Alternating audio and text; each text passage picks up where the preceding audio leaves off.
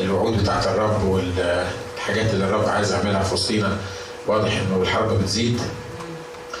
مش كده؟ واضح إنه مش قادر يعمل حرب وسطينا فبيستفرد بكل واحد لوحده. ها؟ ونشكر الله إنه مش عامل حرب في وسطينا إحنا مش ناقصين كمان. يعني هو ده كده كفاية يعني. إن كل واحد يبقى في الحرب اللي هو فيه آه لوحده.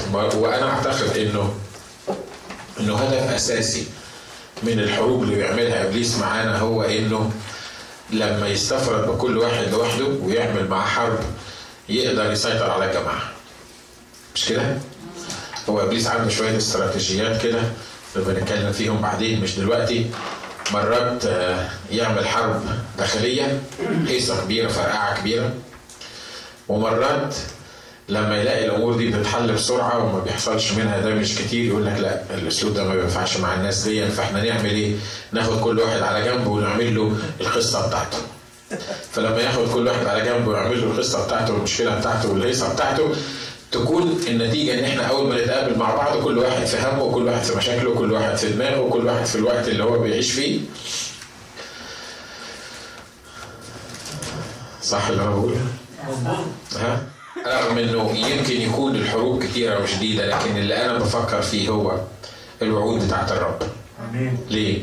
لأنه مرات كتيرة سبب الحرب هو إنك تنسى الوعد بتاع الرب. سبب المشكلة الكبيرة اللي ممكن تكون بتكون بتمر فيها هي إنك تنسى وعود الرب ودي حاجة أساسية عند إبليس إبليس ما إبليس على فكرة موجود يا جماعة مش كده؟ طبعا ها؟ ما هوش قوة ولا هوش تأثير ولا هوش حاجة بينادوا عليها من المنابر بس وخلاص. عمالين يقولوا إبليس إبليس وفلقونا بإبليس. لا إبليس موجود وبيسمع اللي إحنا بنقوله. لما واحد يقول هكذا قال الرب الرب بيقول السنة دي عايز أعمل كذا وكذا وكذا في وسطيكم. الشيء الطبيعي إن إبليس مش غبي علشان يسيبك تقول وتحمس الناس وت... وتاخد الناس لليفل تاني لأن هو عايز يعد خطة معينة ينسيك بيها وعود الرب. أسهل طريقة أسهل طريقة الإنسان تنسى بيها ينسى بيها وعود الرب هي إيه؟ مشاكله الخاصة صح؟ لأن إحنا بنتكلم عن حاجات كبيرة والرب هيعمل وهيعمل في الخدمة وغير الخدمة الشيء الطبيعي إنه يهمه جدا إن الناس دي بتبقى ضعيفة مش قادرة تتلم على بعض مش قادرة تعمل حاجة فيعمل إيه؟ ياخد كل واحد فينا على جنب وكل واحد فينا يعمل معاه حاجة تكون النتيجة إن لما نتجمع كلنا مع بعض اللي عنده مشكلة هنا واللي عنده مشكلة هناك واللي مش عارف القصة بتاعته إيه والحكاية بتاعته إيه وتكون النتيجة إن إحنا في محضر الرب ما نقدرش نشوف الرب عايز إيه وننسى وعود الرب. لكن حاجة أساسية في حياتنا الروحية هي إنك تذكر نفسك بوعود الرب. تقول لي وعود الرب بتتنسي؟ لما أكون أنا في حالة الفقر اللي أنا فيها دي ممكن وعود الرب تتنسي؟ داوود بيقول بارك يا نفس الرب ولا تنسي كل حسناته ده مش بس وعوده ده بينسى إيه؟ بينسى حسناته صح؟ لو لو هو عارف إنه مش ممكن ينسى ما كانش قال لنفسه كده ما كانش فكر نفسه ما كانش قال يا نفسي بارك يا نفس الرب ولا تنسي كل حسناته بارك يا نفس الرب وكل ما في باطني ليبارك اسمه القدوس. ده مش بس عمل كده ده بعد ما عمل كده قعد يفصل حسنات الرب يقولها بالوحدة عشان يفكر نفسه بيها. هو مش قال جملة بس كده على بعض بارك يا نفس الرب ولا تنسي كل حسناته. لكن قرر إنه يعمل إيه؟ يعدد حسنات الرب ويقولها واحدة واحدة علشان تثبت في دماغه عشان تكون قدامه. قال الذي يشفي جميع إيه؟ الذي يغفر كل ذنوبك الذي يشفي جميع أمراضك الذي يفدي من الحفرة حياتك الذي يكللك بالرأفة والرحمة الذي يفدي عمرك. وابتدى يعدد الحسنات دي واحدة واحدة علشان يتذكرها وعشان يحطها قدام عينيه. مرات الحسنات والوعود بتبدو إنها فني في وقت انت تبقى مضغوط فيه وتبقى مش شايف غير الفشل ومش شايف غير المشكلة ومش شايف غير القضية ومش شايف غير المصيبة اللي حلة فوق دماغي فوق دماغك وبعدين يجي الرب في وسط الحكاية دي ويقول لك لا أنا عايزك كمان تفتكر الوعود اللي أنا اعطيتها لك وعود مين؟ يعني أنت شايف إن أنا أنا بتاع وعود؟ أنت شايف دلوقتي إن أنا أنفع للوعود؟ عايز أقول لك إن وعود الرب ليست لها علاقة بأنت شكلك إيه؟ صح آمين. إحنا بندردش النهارده مع بعض. I don't know why I say that. بس أنا عارف انه أنا عارف إن إحنا محتاجين الكلام ده. وعود الرب في أحلك المواقف اللي ممكن بتمر فيها. الله بيبقى عايز يقول لك إن الموضوع مش متوقف عليك. لأن الموضوع تحقيق وعود الرب لو متوقف علي أنا أستاهل ولا ما أستاهلش هو مين فينا أصلا يستاهل؟ ها؟ محدش يستاهل. مش كده؟ مين فينا مين فينا مستني ظروفه تبقى حلوة جدا والأمور تبقى ماشية معاه تمام علشان وعود الرب تفضل تتحقق في حياته ولو مش مصدقني بص لشعب إسرائيل شوف شعب إسرائيل اللي الرب وعده بالوعود الكبيرة دي في عز المشاكل بتاعته لما تقرأ اشعياء وكلنا عارفين إحنا بنقرأ اشعياء 60 مش كده؟ كم واحد بيقرأ اشعياء 60 ده في بيتهم زي ما أنا قلت زمان إنه لما تبتدي تقرأ الكتاب اقرأ كم عدد بتوع اشعياء 60 دول عشان ما تنساهمش. تقول لي ده أنا من كتر ما قريتهم حفظتهم برضه قولهم تاني. وكل ما تفتح الكتاب قولهم صدقني هيفيدوك. هيملى هيملى نفسك والاتموسفير اللي حواليك وال والجو اللي حواليك بوعود الرب والرب لما بيقول الكلمات دي في اشعياء 60 بيقول اقرأ معايا زهقت من الكلمات دي حد بيزهق من كلام الرب؟ بس إلا دول. الوعود اللي الرب عطيها السنة دي. في أشعياء 60 بيقول الكلام ده. بيقول قوم استنير لأنه قد جاء نورك ومجد الرب أشرق عليك. لأنه ها هي الظلمة تغطي الأرض والظلام الدامس الأمم. أما عليك فيشرق الرب ومجده عليك يرى. فتسير الأمم في نورك والملوك في ضياء اشراقك ودايما ركز على الحكاية بتاعت اما عليك. ليه؟ لأنه زي ما اتفقنا في المرتين اللي فاتوا اللي اتكلمنا فيهم إن ده بيوصف الحالة اللي إحنا عايشين فيها بالظبط. الأمم واللي حوالينا والظروف وكل ما يحيط بنا ده بيقول عليه إيه؟ لأن ها هي الظلمه تغطي الأرض. والظلام الدامس الأمم. أما عليك. فيشرق الرب ومجده عليك إيه؟ ومجده عليك يرى. في أحلك الظروف اللي ممكن تكون بتمر فيها يكون الرب عايزك تفتكر وعوده وعايز أقول لك إن دي يعني حاجة بتجربها.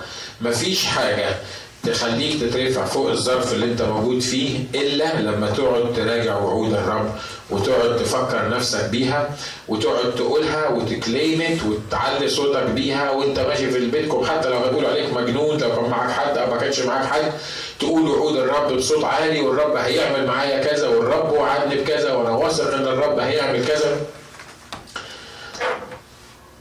آمين. آمين؟ حد مصدق اللي أنا بقوله ده؟ تقول لي يعني يعني يعني أنا يعني لما أمشي في الصلاة بتاعتنا وأقعد أقول الرب هيعمل معايا كذا والرب عمل كذا هو ده اللي هيغير الدنيا يعني؟ أه صدقني هيغير الدنيا اللي حواليك. مش بس هيغير الدنيا اللي حواليك هيغيرك أنت عشان تفهم الدنيا اللي حواليك.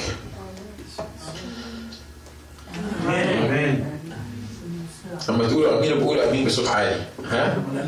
كم واحد الرب عطيله وعد معين مستنيه؟ شوف إيدك بالتالي كلنا. حتى اللي ما رفعوش ايديهم. أنا عارف إن في ناس ما رفعوش ايديهم.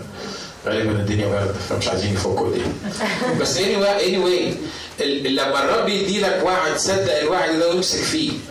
والرب هيعمل معاك كده. لأن الرب عايز يريك مجده. إحنا بنتكلم في المرتين اللي فاتوا عن مجد الرب. وبنتكلم عن المجد الإلهي. المرة اللي فاتت قلنا ما هو المجد وقلنا اللي هو البهاء والجلال والعظمة الإلهية. وقلنا إن الله عايز يوري الناس مجده. إحنا متخيلين عشان نشوف مجد الله إحنا لازم نتخانق مع ربنا عشان يورينا مجده. لا لكن الرب عايز يوري الناس مجده.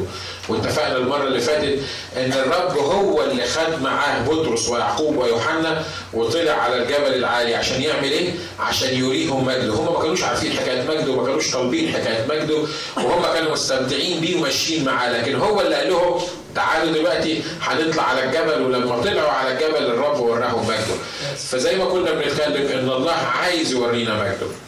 واتكلمنا المرة اللي فاتت عن أهمية رؤية المجد، قلنا رؤية المجد حاجة مهمة جدا للتأكد ونفي الشكوك واتفقنا إن كلنا بنشك في حاجات كتيرة في أوقات كتيرة ليه؟ لأن إحنا زي ما ابتدينا الاجتماع النهارده بنقول إن إحنا بنركز على اللي إحنا شايفينه. إحنا بنركز على المنظور. وفي حاجات في الإنسان يعني لازم ربنا يرحمه منها وهي إن الإنسان عايز يشوف حتى عايز يشوف الله عايز يعمل إله عايز يشوفه. لما الرب خد موسى وطلع على الجبل خده علشان يديله الوصايا العشر مش كده؟ وخده عشان يتكلم معاه. الناس قعدوا 40 يوم ما شافوش موسى. بس كيف هارون قال له موسى هذا لا نعلم ماذا اصابه يمكن كانوا دين فوق ولا يمكن اسد طلع له وافترسه. وإحنا هنفضل مستنيين موسى. انت انت أنت تعمل لنا عجل. تعمل لنا إله يمشي قدامنا. طب يا عم أنتوا مش هتستنوا موسى؟ خليكم في هارون اللي موجود معاكم وخلوا هارون يبقى هو الكاهن اللي هيمشيكم والبدل بدل موسى. لكن خلي بالكم إن الموضوع ما كانش إن موسى دون إيه اللي اصابه لا الموضوع إن الشعب عايز يشوف إله يعبده بعينيه. لما حبوا يختاروا ملك قالوا كده صمويل قالوا له إيه؟ قالوا لنا عايزين ملك زي الشعوب اللي حوالينا. اشمعنى كل الشعوب شايفة ملك قدامها؟ إحنا كمان عايزين نشوف ملك. الناس عايزة تشوف تشوف الله عايزة تشوف اللي بتعبده عايزة تمشي ورا عينيها. لكن الكتاب قال طوبى للذين آمنوا ولم إيه؟ يعني صدقوا إن الكلام بتاع الرب ده هيحصل يبقى هيحصل رغم إن أنا مش شايف بس الكلام ده أنا شايف عكس الكلام تماما. وعايز أقول لك في كل مرة ربنا يدي لك وعد إبليس لازم يجيب لك عكس الوعد ده تماما. يخليك تمشي تلف حوالين نفسك وتقول ده أنا من ساعة ما ربنا عطاني الوعد. والدنيا خربت معايا. يا ريته ما أعطاني الوعد ده. أنا ما طلبتش منه الوعد ده. مش كده؟ قال لي داوود راح جاب له قنينة الدهن كده والزيت وراح ماسك الأخ داوود. صمويل ماسك القنينة وراح ناهد دماغ داوود وقال له أنت ليك إسرائيل والرب مسحك ملك على إسرائيل. الأخ صمويل طلع من هنا والمعاناة بتاعت داوود استمرت من هنا لمدة 13 سنة عمال يجري من جبل لجبل ومن عشة لعشة واتلم عليه 400 واحد كل من كان متضايق وكل من كان عليه دين وكل من كان يعني المقاطيع والحرامية اتلموا عليه. واحد بيقول له أنت ملك والمقاطيع والحرامية ملمومين عليه بيقولوا له أنت الزعيم بتاعنا. لدرجة إن الراجل جه في وقت من الأوقات قال لك بقول لك إيه؟ سيبك من الحكاية دي بتاعت وعود الرب دي وده اللي عايز إبليس يوصله لك عايز يوصلك لنقطة تقول له بص سيبك من وعود الرب سيبك من القصص اللي أنت بت بتقول عليها دي إني سأهلك يوما بيد شاول عشان كده أنا هعمل إيه؟ أنا لازم أخلص نفسي ما هو ربنا مش متحرك لازم أتحرك أنا. على فكرة دي حاجة في, في الأطفال حتى الصغيرين حاجة في الإنسان. أعرف طفلة صغيرة لما كانت صغيرة كان شعرها خفيف جدا. ما كانش عندها شعر كتير. فهي كل ما تتكلم تسمع أهلها في البيت يقولوا لها صلي. فدخلنا مرة عليها في المراية لأنها واقفة قدام المراية بتقول له بص أنت عايز تطلع شعري طلعه مش عايز تطلعه هطلعه أنا. فني بس إحنا بنعمل كده. ليه؟ لأنه ما عملش لأنه مش متحرك. لأنه وعدنا. ده من ساعة ما وعدني زي ما قلنا والدنيا اتلخبطت. فأنا مش عارف أعمل إيه. لكن خلي بالك ليكن الله صادق وكل إنسان إيه؟ وكل إنسان كاذب. لما يوعدني اللي أنا شايفه ولا اللي أنا مش شايفه ده شيء طبيعي. خلي بالكم في فرق بين إنك تشوف عكس اللي بيوعدك به الرب وفي فرق إنك تشوف إن اللي بيحصل معاك تدريب من الرب وإعداد من الرب علشان الوعد. أمين. يوسف عمل كده مش كده؟ بعد 13 سنة من السجن والمعاناة قال لاخواته كده ليس أنتم أرسلتموني إلى هنا. بل الله. لاستبقاء حياة أرسلني الله قدامكم. لا تتغضبوا ولا تغترزوا. ليه؟ لأن أنا جيت علشانكم لأن الرب أرسلني علشانكم. عشان كده مهم جدا إن إحنا نفهم إن وعود الرب بلا ندامة. مرة تانية نقول وعود الرب بلا إيه؟ تقولي لا ده أنا وحش. أنا مرات بقول لنفسي كده. أنا مرات بقول لنفسي بصراحة ناجي أنت ما تستاهلش مش بس وعود الرب ده أنت تستاهل ربنا يولع فيك. فأقول لا لا لا أنا أنا ينوت سيبك من وعود الرب دي الرب مستحيل. مستحيل خلاص ده ده ده مستحيل يحصل كده. لكن الرب كان بيكلمني بيقول لي لا وعودي مش متوقفه عليك انت وعودي اللي متوقفه على كلمتي أنا لأني أنا قلت ولأني أنا قلت فده هيحصل بغض النظر عن أنت شكلك إيه. آمين؟ عشان كده إحنا محتاجين نفكر نفسنا بعود الرب. رؤية مجد الله بتأكد اللي الرب قاله وبتنفي الشكوك بتاعتنا. رؤية مجد الرب بتغير الحياة. الكلام ده قلنا المرة اللي فاتت. رؤية مجد الرب بتغير الحياة بتخلي شاول اللي كان رايح سوريا علشان يقبض على الناس دول ويحطهم السجن. هو اللي يقف من من الوقعة اللي وقع فيها بعد ما شاف مجد الرب ويفحم اليهود مؤكدا إن يسوع المسيح هو المسيح الآتي إلى العالم. إيه اللي حصل معاه؟ كل اللي حصل مع شاول حاجة واحدة بس. أضاء مجد الرب حواليه شاف الحضور الإلهي اتكفى على وشه أمن على وشه واحد تاني. وأنا بقول له يا رب حتى لو كانت يعني العملية هتكفيني على وشي عشان أتغير بالمنظر ده اكفيني ها؟ هو هو الرب مش عايز يكفينا كلنا على وشنا لكن في ناس ما بيجيش إلا بالكافية صح؟ صح ها؟ في ناس الرب عايز يتكلم معاها عايز يعمل معاها حاجات معينة الأعمال الصالحة التي سبق فأعدها لكي ما يسلك فيها في خطة معينة لكن الخطة دي لو مش هكتشفها ممكن الرب علشان يغيرني يعمل إيه؟ يضطر يظهر ليا وأنا راكب على الحصان ومتعجرف وفاكر إن أنا يعني أنا اللي ممشي الكون. يضطر يقول لي أنت متخيل إنك أنت هتعمل اللي أنت عايزه وهتروح أورشليم وهتلاقي المسيحيين وهتقبض عليهم وهتجيبهم مساجين؟ أنت عندك your plan بس أنا I have another plan عشان كده أنا مضطر أخليك بدل ما انت رايح اورشليم ترجع رايح دمشق ترجع تروح اورشليم وتعمل اللي أنا بقول عليه. وواضح إن الذوق مش هينفع معاك فأنا مضطر أظهر لك مجدي وأخدك أنزلك من على الحصان تتخبط في الأرض أعميك لمدة ثلاث أيام. Unbelievable. لما الله يحب يفتح عينين واحد يعميه. انت واخد بالك من اللي بيحصل؟ ها؟ عشان افهم الأمور اللي بتحصل معاك أنا بصلي الكلام ده لنفسي مرات الرب عشان يفتح عينيك عينيك شايفة المنظور عينيك شايفة اللي في دماغك عينيك شايفة الخطة اللي انت حاططها. مش قادر تشوف حاجة تاني غير الخطة اللي انت حاططها. مش قادر تشوف حاجة تاني غير انك انت رايح دمشق تاخد المؤمنين دول وفاكر انك بترضى الله وفاكر انك بتخدم الله. والله عايز يخليك تشوف بلان تانية مختلفة عن البلان اللي انت حاططها. مش قادر يخليك تشوفها. فاضطر يضربك بالعمل مدة ثلاث أيام. لما ما تشوفش حاجة خالص تقول آه يظهر إن في قوة أكبر مني محتاجة تقول حاجة. وبعدين تقول تكلم يا رب لأن عبدك سامع يروح فاتح عينيك.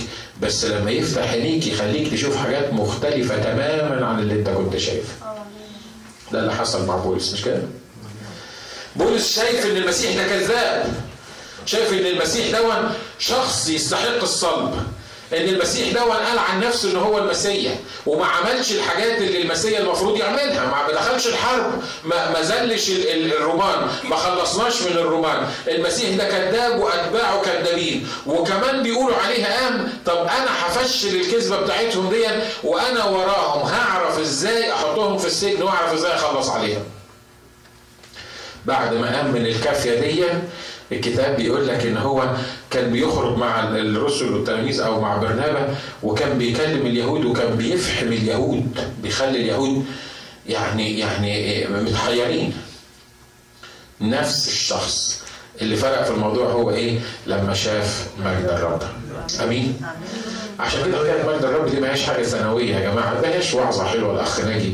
يعني وهو نايم بالليل كده جات له كلمتين كويسين قال لك نقولهم للإخوة بكرة في الاجتماع. لا ده ده اللي الرب عايز يعمله ده اللي أنا بصليه لنفسي وبقول كده أمام الرب إن ده اللي أنا بصليه نفسي إن يا رب عايز أشوف حضورك عايز أشوف مجدك عايز أشوف حاجة مختلفة. الأيام دي تجعلني شخص مختلف. أهمية رؤية مجد, مجد الرب عشان الشهادة عشان الخدمة وعشان الكتاب بيقول إن هذه الآيات تتبع المؤمنين يخرجون الشياطين باسمي يضعون أيديهم على المرضى فإيه؟ فيبرؤون يمكن اتكلمنا عن كده المرة اللي فاتت وإحنا بنسأل ليه ما بيحصلش معايا الكلام ده؟ مش هو قال كده؟ مش هو قال إن هذه الآيات تتبع المؤمنين؟ طب أنا ببص ورايا مش لاقي آيات ولا بتاع أنا ببص ورايا الاقي مشاكل ماشيه في ذهني مطرح ما أروح المشكلة معايا مطرح ما أروح في مصيبة ورايا مطرح ما أروح في قضية شغلاني هي فين المعجزات وال... وال... والقوات اللي ربنا بيقول عليها دي؟ مش هو هذه الآيات تتبع المؤمنين؟ مش أنا مؤمن بالرب وعرفت الرب يسوع مخلص شخص حياتي لا خلي بالك من حاجة. هذه الآيات تتبع حضور الله في المؤمنين. ده معنى الآية. هذه الآيات تتبع وجود الحضور الإلهي في المؤمنين. لما الحضور الإلهي يبقى موجود في المؤمنين يمشي المؤمنين يرعبوا الناس اللي موجودين. يمشي المؤمنين تلاقي المعجزات بتحصل من غير ما يتكلموا كتير. يمشي المؤمنين ليه؟ لأن مش هم اللي بيعملوا الحكاية دي. ده الحضور الإلهي المجد الإلهي في المؤمنين هو اللي بيخلي الآيات دي تتبع إيه؟ المؤمنين. لأنه حيثما وجد يسوع وجدت المعجزات. مش كده؟ سمعتوا عن يسوع صلى لحد وما شافش؟ سمعتوا عن يسوع وقف عشان يعمل معجزة وقال يعني احصل. يا جبل تتحرك. يا عيش ولا يا خبز. تكاثر في البتاع دي عشان نقدر نأكل الناس دول. بعدين أوبس. طب نصلي شوية كمان عشان يمكن ربنا يعمل الحكاية دي. لا. ليه؟ لأن ده الحضور الإلهي اللي موجود فيه ده شخص الرب يسوع المسيح لما الحضور الإلهي يكون موجود فيا الآيات والعجائب هتنبعني ومش هبقى محتاج أثبتها لحد الكنيسة في الآيات دي كنيسة خايبة ليه؟ لأن إحنا عمالين نتخانق في آيات ولا ما فيش آيات؟ ناس يقولوا في آيات وناس يقولوا ما فيش آيات يجوا الناس اللي بيقولوا ما فيش آيات يقولوا إيه؟ طب ممكن تورونا الآيات دي؟ عامل زي واحد حب يثبت إن ما فيش تكلم بألسنة ولا شفاء قال لك مش الكتاب بيقول انه إنه يخرجون الشياطين باسمي ويضعون أيديهم على المرضى ويبرؤون وإن شربوا شيئا مميتا فلا يضرهم قال لك مش هو المفروض ده الكتاب بيقول كده؟ قال قال طب أنا هجيب كوباية سم وعايز الإخوة اللي بيقولوا ان في مواهب شفاء وألسنة يشربوها ونشوف هيموت ولا مش هيموت. تفسيره ليه؟ لأنه ما بيقول لك كده يبقى الآية لازم كلها تكمل تشرب السم ده لو فيه لو في السم مش هيموتك يبقى فيه ألسنة لو السم مش هيموتك يبقى فيه مواهب عارف ليه الناس دي عندها فرصة إنها تقول كده؟ عارف ليه الناس اللي ما بتؤمنش بالمعجزات والمواهب عندهم فرصة إن يقولوا إن المواهب بالمعجزات مش موجودة؟ لأن هم مش شايفين الكلام ده بعينيهم كلام حقيقي. عارف ليه مش شايفينه؟ لأن المسيح بحضوره وبجلاله وبمجده مرات كتيرة ما بيبقاش موجود حتى في حياتنا إحنا كمؤمنين اللي المفروض إن هذه الآيات تتبعنا. علشان كده لو أنا فعلا عايز يحصل في حياتي تغيير لازم أواجه المجد الإلهي لازم يحصل في حياتي إعلان للمجد الإلهي إعلان المجد الإلهي ده اللي إحنا اتكلمنا عليه المرة اللي فاتت أهمية المجد الإلهي وما هو المجد الإلهي لمين يظهر مجد الله؟ مين اللي الله يغيره؟ مين الشخص اللي وده ده الموضوع اللي عايزين نتكلم فيه بسرعة النهارده. مين هو الشخص اللي, المجد الإلهي يقدر يزور المجد الإلهي واللي يقدر يطلب من الرب المجد الإلهي واللي المجد الإلهي يعلن له نفسه ويغيره؟ في نوعيات على فكرة. لازم يتم فيها حاجات معينة عشان يحصل الموضوع ده. أول نوعية من النوعيات دي هي نوعية الطالبين للمجد الإلهي. نوعية إيه؟ الناس اللي بيطلبوا المجد الإلهي تقول لي في حد ما بيطلبش. هو ده ده سهل. إحنا لما نقعد نصلي اريني مجدك. ولما بنقعد نرنم وريني مجدك. ولما كله يعني ما هي كلها ترانيم وصلاة. إحنا قاعدين إحنا أكتر من الكلام اللي إحنا بنقوله ما فيش. لا الموضوع مش كده. الموضوع أبعد من كده شوية. الموضوع أبعد من كلام أنت بتقوله لمصلحتك الشخصية. لكن الرب يعلن مجده للناس الطالبين زي ما قال كده عن الروح القدس. يعطي الروح القدس للذين إيه؟ للذين يسألونه. ويعطي الروح القدس للذين يطيعونه. ما هو الروح القدس ده اعطاء الروح القدس. وحلول الروح القدس هو المجد الإلهي. الرب قال لموسى طلع شعبي. وخلي بالكم إن الرب لما اختار موسى اختاره آه ملك على شعبه اختاروا قائد كبير لشعبه الراجل ما دخلش انتخابات وما كانش فيه ديمقراطيين ولا جمهوريين وما كانش في حد بينافسه في الموضوع. ده ملك الملوك ورب الأرباب قال له إيه؟ قال له إن أنت هتطلع شعبي، قال له شعبك ده صلب الرقبه وهيقولوا لي انت ما قابلتوش. قال له لا ما يهمكش. لو رحت وقالوا لك ما قابلتوش أنا كمان هدي لك ايات ومعجزات تعملها قدامهم. وده اللي حصل وراح وشكوا فعلا فيه وقالوا له مين الله؟ وقابلته فين؟ وعملت إيه؟ رمى العصاية بقي التعبان كلكم عارفين القصص دي وكانت التعابين الصغيرة. دخل إيده في عبه طلعت برصاء دخلها مرة تاني طلعت إيده سليمة. راجل يعني يعني مسلح بإمكانيات وبمواهب وتربى لمدة 40 سنة في بيت فرعون وفاهم النظام الفرعوني وتهذب بكل حكمة المصريين وقعد في الصحراء اتعلم عنده خبرات وعنده سن وعنده تكليف وعنده مواهب مفيش بعد كده. لكن يقول إيه في خروج 33 يقول الكلمات دي. وقال موسى للرب انظر أنت قائل لي خروج 33 وعدد 12 وقال موسى للرب انظر أنت قائل لي اصعد هذا الشعب وأنت لم تعرفني من ترسل معي. وأنت قلت عرفتك باسمك ووجدت أيضا نعمة في عيني. فالآن إن كنت قد وجدت نعمة في عينيك فعلمني طريقك حتى أعرفك لكي أجد نعمة في عينيك. وانظر أن هذه الأمة شعبك. فقال وجهي يسير فأريحك. فقال له إن لم يسر وجهك فلا تصعدنا منها هنا. كلمة وجهك هنا مرادفة بإيه؟ لمجدك لحضورك لعظمتك لبهائك للموضوع اللي إحنا بنتكلم فيه.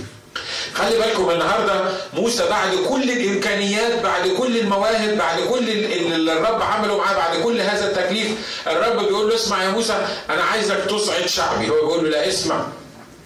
انت عايزني اصعد شعبك مش عايزني اصعد شعبك أنا مش هو ده الموضوع اللي شاغلني. لو عايزني اصعد شعبك حقيقي ان لم يسر وجهك امامي أنا مش هتحرك من هنا. يمكن الاصحاح اللي قبليه أو اللي قبليه كان بيقول له اسمع ده أنا شعب صلب الرقبة. أنا لو مشيت في وسطك هفنيه لأن الشعب ده جربني عشر مرات في البرية والشعب ده تعبني أحسن لك إن أنا ما امشيش في وسطك أنا هبعت ملاكي. أنت عايز إيه؟ مش عايز توصل لأرض الموعد؟ مش عايز ملاك يحميك؟ مش عايز ملاك يدافع عنك ويحارب حروبك؟ هعمل كده. هبعت ملاك معاك يمشي معاك ويحميك ويدافع عنك لغاية ما يوصلك لأرض الموعد. موسى قال له لا. مش هو ده اللي أنا بدور عليه. مش ملاك يمشي في وسطينا. أنا مش بدور على اللي هاخده منك. مش بدور على أرض الموعد. أنا بدور على وجهك. قلت اطلبوا وجهي وجهك يا رب إيه؟ يا رب أطلب. أنا عايز حضورك أنا عايز مجدك. أنا مش عايز اللي أنت بتديهوني أنا مش الفكرة إن أنا ماشي وراك علشان أنت توصلني بالسلامة. مش الملاك هيجي يحميني عشان العربية ما تعملش حادثة والملاك هيحمي العيال في المدرسة علشان العيال ما يحصل لهمش حاجة وهيحمي مراتي في الشغل عشان ما حدش يتكلم معاها وهيحمي البيزنس بتاعي عشان ما حدش مش عارف مين. لا الموضوع أبعد من كده. الرب يوري مجده للناس المصرة على إنها تشوف مجده وتشوف حضوره تشوفه هو لنفسه مش للإمكانيات وللمواهب اللي هو بيديها. آمين؟ عشان كده وإحنا بنطلب مجد الرب الموضوع الموضوع ما أقدرش امشي من غيره. ما ينفعش انها ماشيه مستورة أهي. ما كويس ما إحنا بنروح الشغل وبنعمل فلوس وبناكل وبنشرب وبنربي العيال.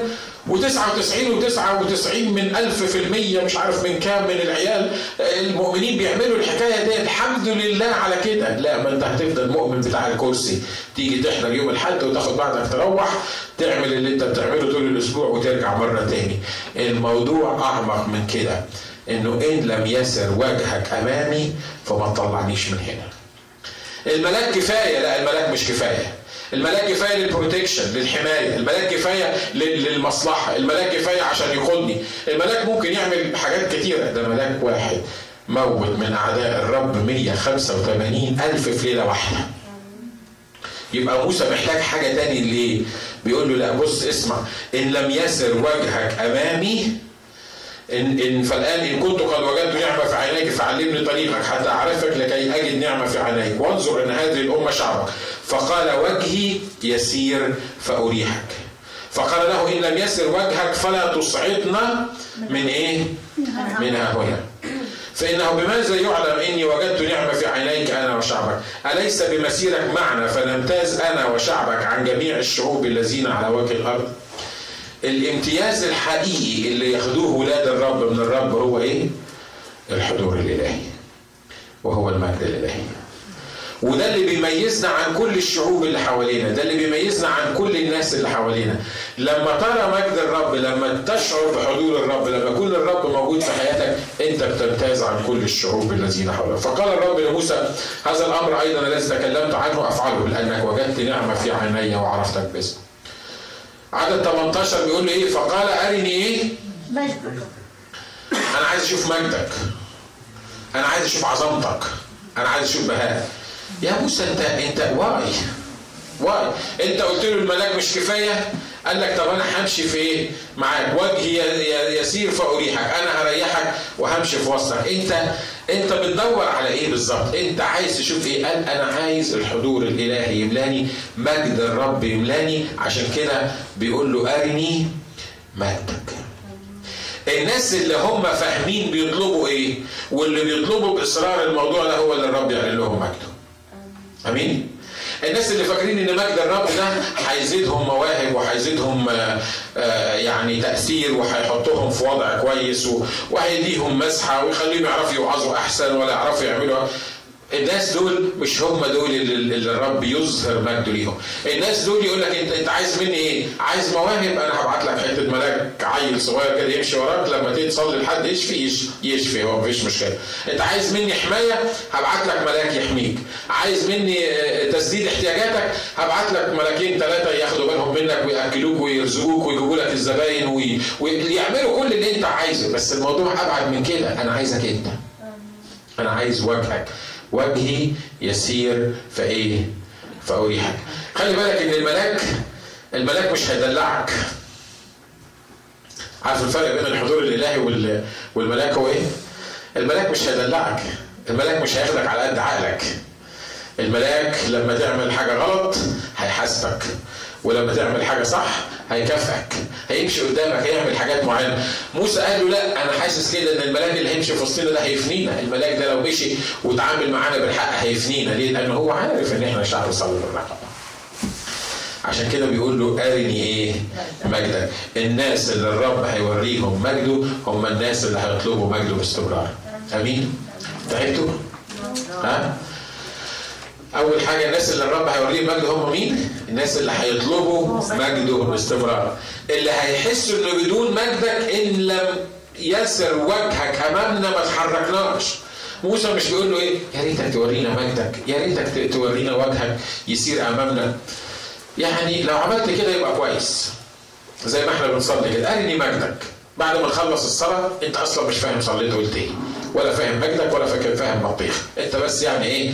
انت انت طلبتها تلبى وخلصنا في اجتماع الصلاة أو في الاجتماع لما تسمع وعظة عن المجد وانت طالع تقول يا سلام لو ربنا يوريني مجده لو ربنا يعمل معايا الحاجة الفلانية. مش هم دول اللي بيتكلم عنهم الكتاب. اللي بيتكلم عنهم الكتاب موسى زي ما اتفقنا بيقول له إيه؟ بيقول له اسمع إحنا جينا دلوقتي للخط للبيس بتاع الموضوع. أنا مش هتحرك من هنا لو مجدك ما مشيش قدامي. أنا مش هتحرك من هنا لو لو وجهك ما صارش قدامي.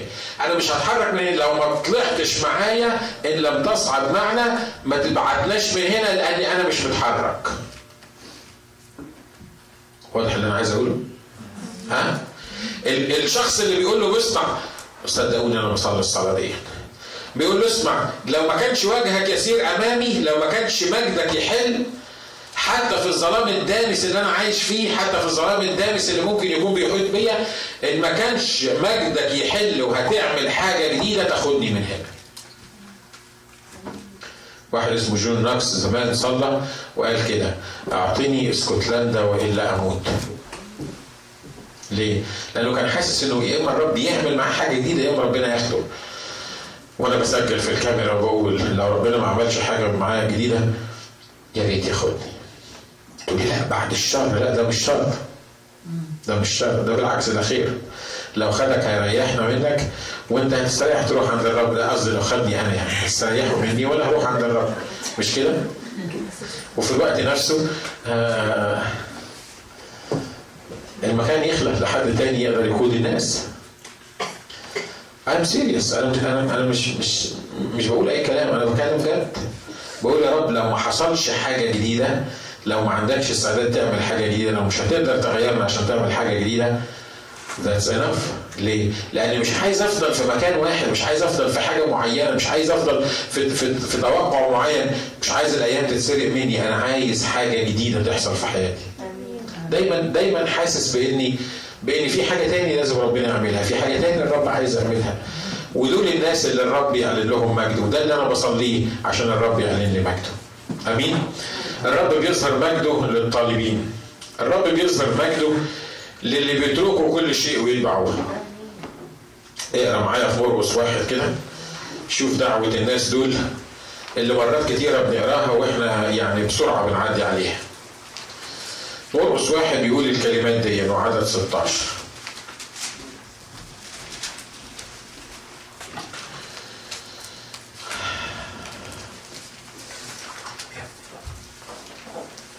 عدد 12 من مرقس 1 12 بيقول وللوقت أخرجه الروح إلى البرية. أتكلم عن الرب يسوع. وكان هناك في البرية 40 يوما يجرب من الشيطان.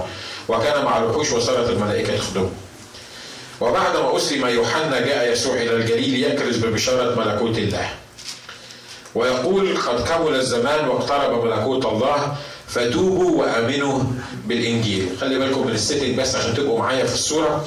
الوقت اللي الرب يسوع ابتدى ينادي فيه بالمناداة دي ده كان وقت عصيب جدا ليه؟ لأن يوحنا المعمدان كان موجود في السجن كلنا عارفين نهاية يوحنا المعمدان وواضح إن الملك اللي كان موجود كان ملك شرير لا ليه في الأنبياء ولا ليه في في في صوت الرب.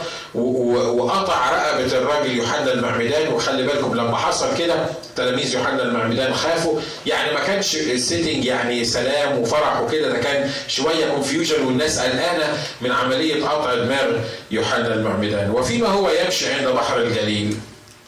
أبصر سمعان واندراوس أخاه يلقيان شبكه في البحر. فإنهما كانا صيادين. فقال لهما يسوع هلما ورائي فأجعلكما تصيران صيادي الناس. عدد 18 بيقول إيه؟ فللوقت تركا شباكهما وعملوا إيه؟ وتبعاه ثم اجتاز من هناك قليلا فرأى يعقوب بن زبدي ويوحنا أخاه وهما في السفينة يصلحان الشباك.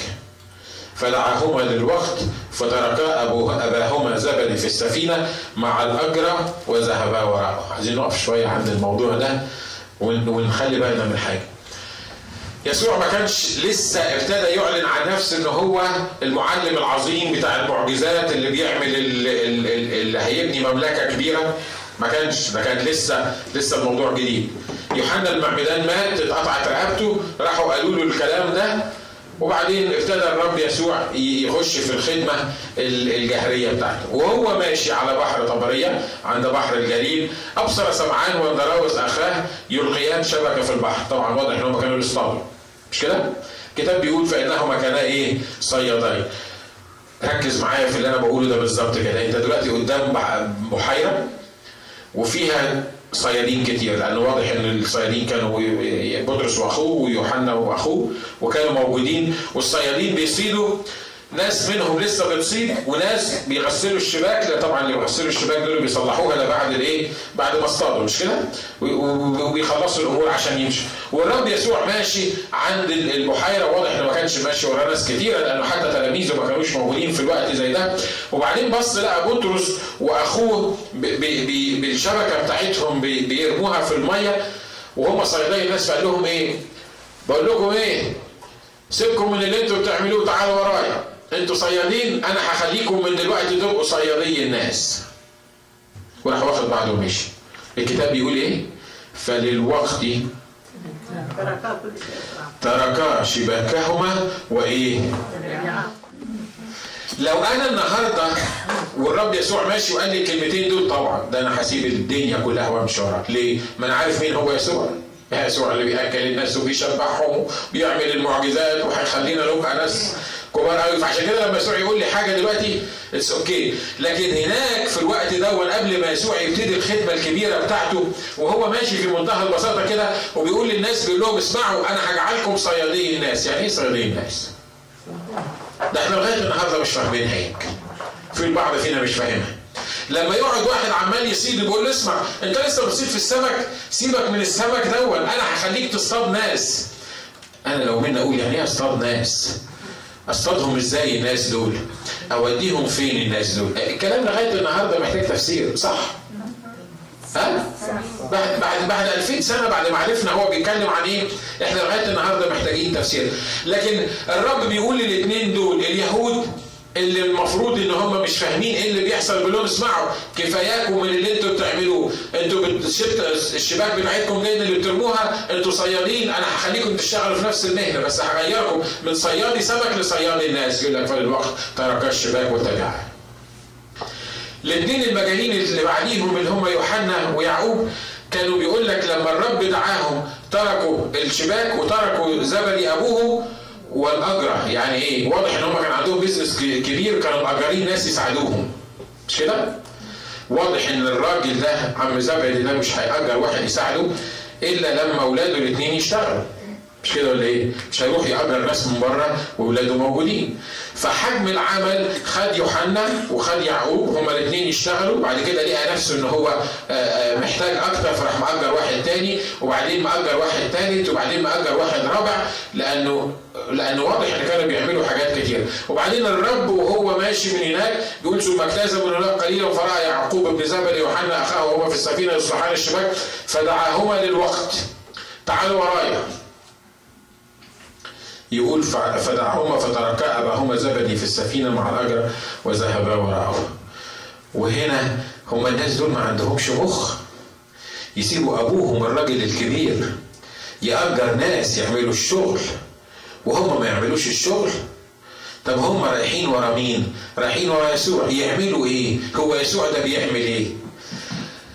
لما الرب يسوع اتكلم على الصليب والناس سابته قال كده بيقول لتلاميذه يقول لهم لعلكم أنتم أيضا تريدون أن من تمضوا رد عليه بطرس وقال له إيه؟ أين نذهب؟ قال له إلى أين نذهب؟ وكلام الحياة الأبدية إيه؟ هو عنك. بيقول لهم إن تلميذي اللي عايز يمشي ورايا يعمل قال له إحنا قد تركنا كل شيء وعملنا إيه؟ وتبعنا شوفوا يا جماعة رؤية المجد الإلهي والحضور الإلهي اللي الرب عايز يعمله في وسطينا مش هيظهر إلا للناس اللي ممكن تترك كل شيء وت- وتتبع الرب يسوع. أمين؟ مش كل الناس قالت أمين. آمين أمين؟ آمين تقول يعني إيه خلاص من بكرة هنستقيل كلنا ونقعد في البيت وتبقى خربت ما حدش فينا هيروح الشغل وهنستنى الرب وهنعمل للرب والكلام ده واضح إن أنا ما بقولش كده مش كده؟ تقول لي مش ده اللي حصل؟ مش الأخ يوحنا والأخ يعقوب والأخ بطرس والأخ اندراوس مش هم اللي عملوا كده؟ سابوا الشغل بتاعهم وراحوا مشي ورا يسوع، لو يسوع ماشي برجليه دلوقتي وقال لك تعالى ورايا لو ال setting هو ال setting انت كان معلش كان معاك يعني حق إنك تعمل كده. لو يسوع قال لك اعمل أي حاجة أنا بقول لك اعملها زي ما يسوع بيقول لك عليها، لكن خلي بالك النقطة هي إيه؟ إن تركنا كل شيء وتبعناك، معناها إن في حياتي الأول في حياتي أنت. الأول في حياتي عملك. ال- ال- ال- اللي أنا عايز أعمله هو اللي أنت عايزني أعمله. الخطة اللي أنا عايزني عايزني أعملها. آمين. هم دول الناس اللي مش هيمسكوا في الرب عشان يشوفوا مجده. هم دول الناس اللي مش هيقولوا لا please اين مجدك. ليه؟ لأنه حيثما يكون هو يكون تلميذه وفي المكان اللي فيه شخص الرب يسوع كان بيظهر فيه مجد الله. مش كده؟ مرات كتير يقول لك وهو ماشي شاف الناس. لما شاف الناس كان الناس بتمجد الله ومجد الله كان بيعلن في المكان. الناس كانت بتقبل بتقبله مخلص والناس كانت بترجع ليه؟ وحياتها بتتغير. آمين. آمين. أنت تاخد الكلام اللي أنا بقوله ده وتصلي بيه عشان ربنا يفهمه لك لنفسك إيه؟ اوعى تاخده بأشكال مسبقة. تقول آه القسيس قال كده يبقى أنا لازم أعمل كذا. والقسيس ما اتكلم عن الموضوع ده يبقى أنا لازم أعمل الحكاية دي. أنا مش بكلم حد معين أمام الله لكن بكلم كل واحد فيكم. أنت عارف الرب بيقول لك تعالى اعمل إيه؟ دعوة الرب غريبة مرات كتيرة بتبقى غريبة وملهاش تفسير. مش هطول عليكم. ليه؟ لأنه أنت شايف إن الراجل الكبير ده محتاج ولاده بيشتغلوا هما الاتنين. وكمان مش بس محتاجهم ده مضطرين يدفعوا أجرة لناس تاني عشان تشتغل معاهم. بدل ما تيجي تساعد الراجل دون اللي عنده العمال دول تيجي تاخد الولدين وتاخد بعضك وتمشي. إحنا ما سمعناش الأخ زبدي ده عمل إيه. بس أنا لو كأب مثلا هقول إيه. أما يسوع ده غريب بشكل. ده جاني منين؟ ده على الصبح. ما أنا كنت قاعد ومستريح وشغال. يعني كان لازم يعدي من قدامي دلوقتي. يقول للعيال هو ده إيه؟ مش أنا اتكلم يعني استرسل أقول اللي ممكن يقولوا الأخ زبدي ما أعرفش الأخ زبدي قال إيه بس الحقيقة الأخ زبدي ليه حق إنه يتجنن. أنتوا أنتوا ماشيين معايا في اللي أنا بقوله ولا ولا؟ قادرين تتخيلوا الموقف؟ أنا النهارده أنا النهارده معتمد على أولادي في الشغل. وبعدين يسوع يعدي من من قدامهم يقول لهم تعالوا. يقول لك راحوا سايبين الشباك اللي هم بي بيعملوها وخدوا بعض. معلش يا بابا إحنا رايحين ورا ورا يسوع. رايحين فين؟ معلش إحنا بنقول لك بعدين. هم الاثنين موجودين وما رجعوش تاني. اختفوا. ويمكن الأخ زبد اليوم اللي بعديه قاعد مستني. يعني نطلع البحر ولا ما نطلع هم العيال راحوا فين؟ يقولوا مع عيالك راحوا مع يسوع. راحوا بيعملوا إيه مع يسوع؟ ماشيين وراه. يعني إيه ماشيين وراه؟ عايزين يعني بيعملوا إيه؟ يعني هي هيعملوا إيه؟ هيشتغلوا إيه؟ هياكلوا منين؟ هي هي مستقبلهم هيبقى شكله إيه؟ مجنون يسوع ده عشان يلاقيهم بيشتغلوا معايا يقول لهم سيبوا سيبوا أبوكم أنتوا وتعالوا ورايا.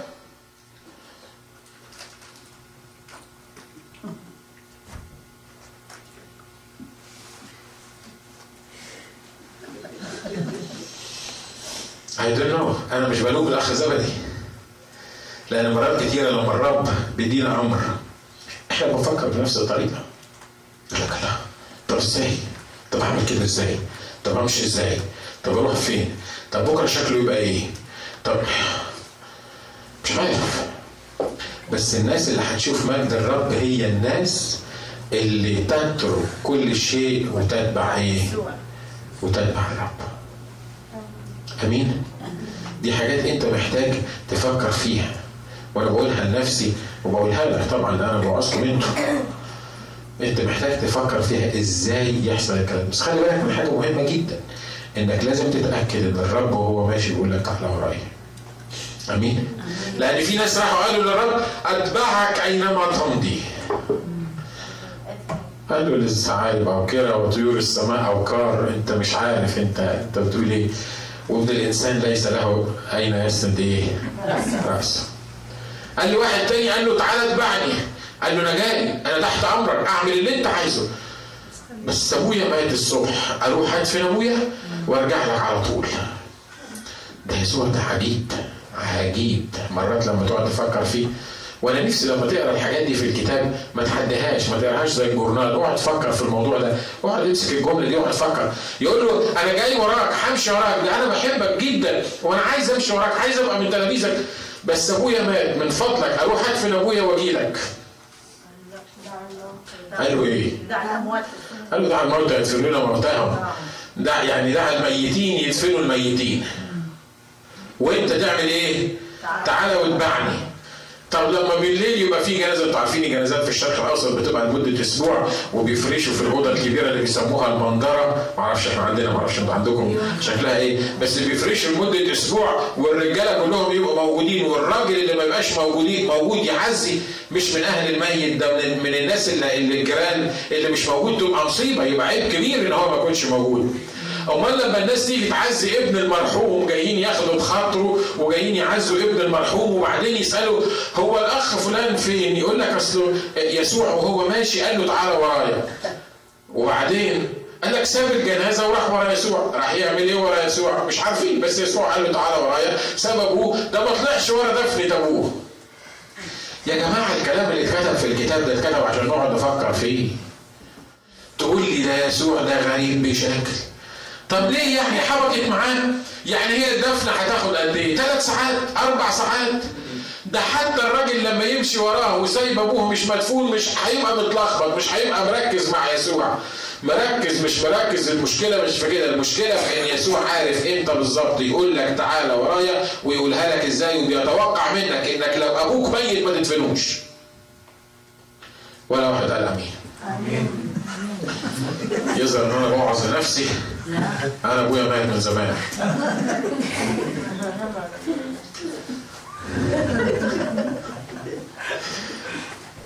يا جماعة أنتوا واخدين بالكم؟ أنا قربت أخلص. بس أنا مش عايز أسيب الحتة دي لاني لأني حاجات مش راكبة في الدماغ. حاجات ما تتفهمش بالدماغ المشي ورا يسوع ما يتفهمش بالدماغ المشي ورا يسوع ملوش قوانين معينة أنت تذاكرها وتفهمها. المشي ورا يسوع متوقف على كلمة يسوع. ما أبعد أفكاره عن الفحص وطرقه عن الاستقصاء. هو فاهم بيقول إيه وفاهم بيعمل إيه ولما يديني أمر حتى لو أنا مش فاهم لأني في معظم المرات ما بقاش فاهم المفروض إني بطوع الأمر ده من غير نقاش. طب والفضايح وكلام الناس؟ ما هو كلام اللي انت بتقوله حلو على المنبر والفضايح وكلام الناس. لما الناس يقول سابوا الجنازة ومشي أنا أقول لهم إيه؟ ما هو الكتاب بيقول إن دع الموتى يدفنون اموات موتاهم. هم الموتى دول هيأثروا فيك لما يتكلموا. ما تخلي الموتى يكلموا الموتى وسيبك من كلام الناس لأن ما حدش شلنا إلا كلام الناس عن إن إحنا نتبع اللي الرب عايزه. تماما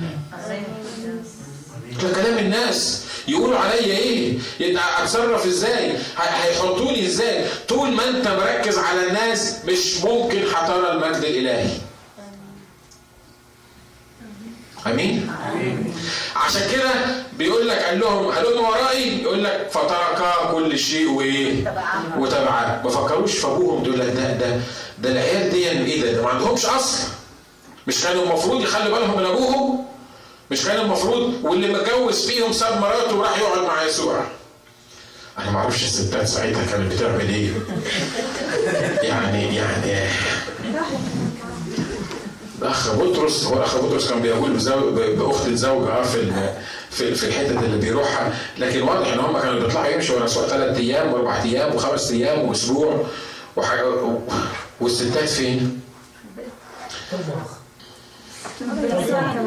من ضمن والله ما كانش في ضمن ساعتها أنتوا واخدين بالكم من اللي الرب عايز يقوله؟ الناس اللي الرب عايز يظهر لهم مجده هم اللي يتم فيهم المكتوب تركوا كل شيء وإيه؟ مرات كتيرة لما بفكر في رينهارد بانكي اللي كان عايش في ألمانيا الراجل عامل لي عقدة الحقيقة أصلا. لما كان عايش في ألمانيا وكان مرفه ومتدلع وبعدين راح في جنوب أفريقيا وفي الأماكن اللي في البلاد الأفريقية وكان بيشرب من الكوز المصدي والمية بتاعه اللي ماشية في الأرض بتاعه الهدايا واولاده كان كل شهر والتاني اللي يجي لهم ملاريا واللي يجي لهم حاجات معينة. والراجل أصر لأن الرب دعاه يكون موجود في الحتة دي. أصر إن هو وعياله يسيبوا كل الغنى والجمال بتاع ألمانيا. ويروح يقعد في أفريقيا ويشتغل مرسل في أفريقيا وسط الحشرات التسي تسي ولا اللي مش عارف اسمها إيه الحاجات اللي هناك وبعدين إحنا بنستعجب هو أنت ما بتدينيش ليه زي رينهارد بونكي؟ ليه أنا في الاجتماع بتاعي ما بيشفاش الملايين ولا الآلاف زي ما بتدي رينهارد بونكي؟ أصل رينهارد بونكي راح عاش في الغلب اللي هو عاش فيه وشرب المية سامحوني في التعبير الوسخة دي عشان يقدر يسقي الناس مية الحياة الابديه.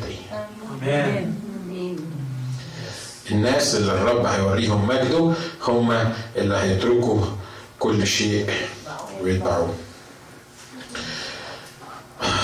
أنا مش عايز أتكلم في الموضوع ده الأسبوع الجاي عشان مش عايز اطول مننا زيادة عن اللازم لكن الناس اللي, اللي الرب يوريهم مجده هم الناس المصرين يصنعوا خلاص للرب. إحنا دايما بنلوم الأخ موسى.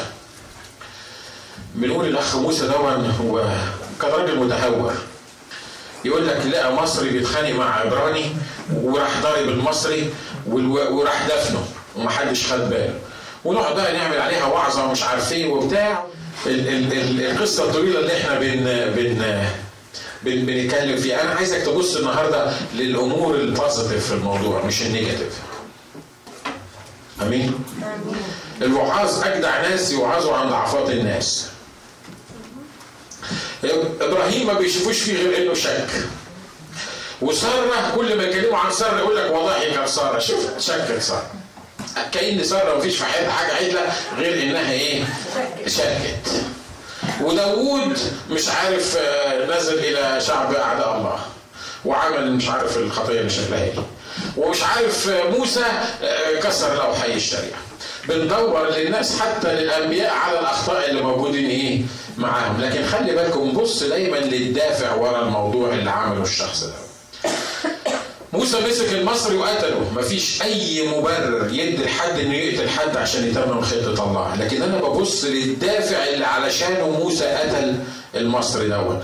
الدافع حلو. التصرف ممكن يكون غلط لكن الدافع ممكن يكون إيه؟ حلو.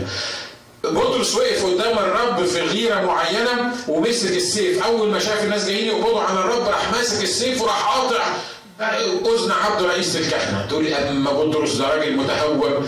يعني يعني تخيل أنا ما أعرفش عامل إزاي بس واضح إن هو شال السيف وراح نازل بيه خد الودن بتاع عبد رئيس الكهنه واضح إن هو ما كانش مركز بيعمل إيه لأن لو مركز يعني مش هيقطع ودنه يعني. صح؟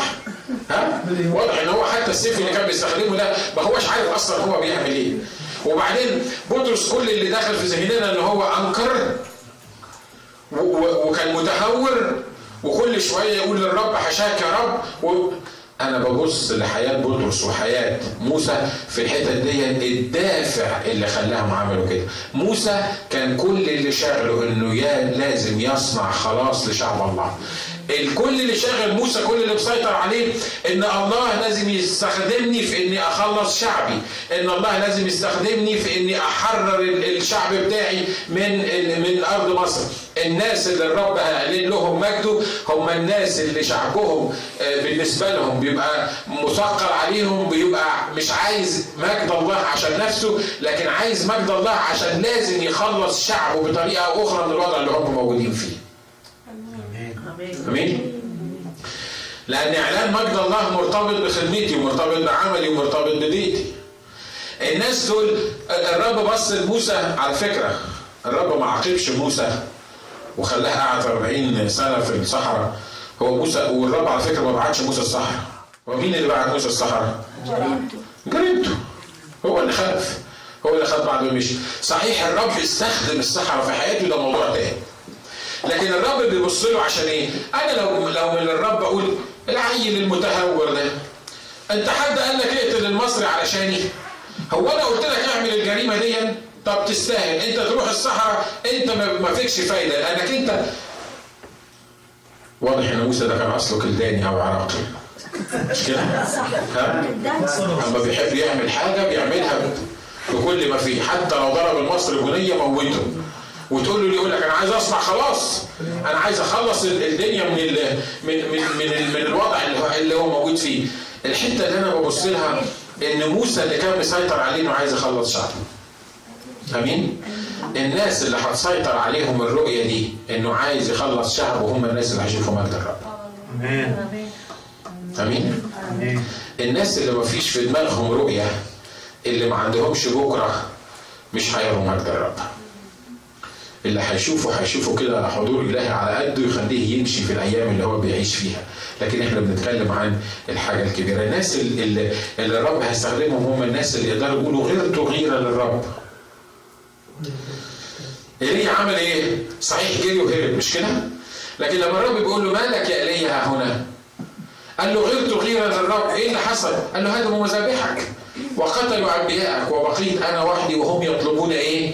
وهم يطلبون نفسه بيتكلم على على إيه حكايه غيرت غيرا للرب؟ كان بيتكلم على الاختبار بتاع جبل الكرم. الاختبار بتاع جبل الكرمل هو إيه؟ اللي شاف فيه مجد الرب وشاف النار اللي نازلة من فوق وكانت الذبيحة. الاختبار هو ان إن إيليا كان موجود في وقت فيه 430 من أنبياء البعل هم اللي الكلمة بتاعتهم مسموعة وهم اللي بيخشوا عند الملك وهم أصحاب الملكة وبياكلوا على الترابيزة وهم اللي بيعلموا الناس وأضلوا الناس وأضلوا الشعب وإيليا واقف يتفرج فين المؤمنين مفيش مؤمنين مفيش حد عامل حاجة فغار غيرة للرب وقرر إن هو يصنع نقمه عظيمة من أنبياء الرب. أنبياء البعل عشان كده الرب ورى له إيه؟ ورى له مجده. ها؟ على الجبل. خلي بالكم يا جماعة مرة تاني و10 و20 بقول إن مرات كتير قوي إحنا بنسمع القصص دي إحنا بنقراها في الكتاب ونستمتع بيها جدا. يا سلام وإيليا راح وعمل مذبح وقال يا رب يا إله مش عارف نزل نار ونزلت النار. لكن لو حطيت نفسك مكان إيليا صدقني لا هتتغطى باللحاف في سريركم ما تقدر حتى تنزل تروح الصالة. ليه؟ لأن ده راجل جاي 430 من أنبياء البعل اللي بتساندهم إيزابل الملكة. الناس كلها كانت واقفة ضده. لكن هو وقف في ناحية كده وقال بصوا أنتوا أنبياء البعل كلكم الواقفين وأنا واقف في حتة تاني. إن كان الرب هو الله اتبعوه إن كان البعل اعبدوه لكن النهاردة لازم نحط حد للموضوع ده. يا الرب يا البعل الناس اللي عندهم الغيرة دي هم الناس اللي الرب يعلن ليهم مجده. هللويا يبقى الناس اللي الرب عايز يعلن لهم مجده هم اللي بيطلبوه هم اللي عايزين يصنعوا خلاص هم اللي بيغيروا على مجده. آمين. هم الناس اللي بيتبعوه وتركوا كل شيء واتبعه خلينا نحمي رؤوسنا مع بعض. وانت حر في اللي أنا قلته انت تحكم عليه. انت تشوف انت عايز إيه النهارده. الرب مش هيجبرك. الرب دلوقتي معدي من جنبك. بيقول لك اتبعني أنت. أنا عايز أوريك مجدي. أنا عايز أستخدمك بطريقة مختلفة. أنا عايزك تعيش بطريقة مختلفة.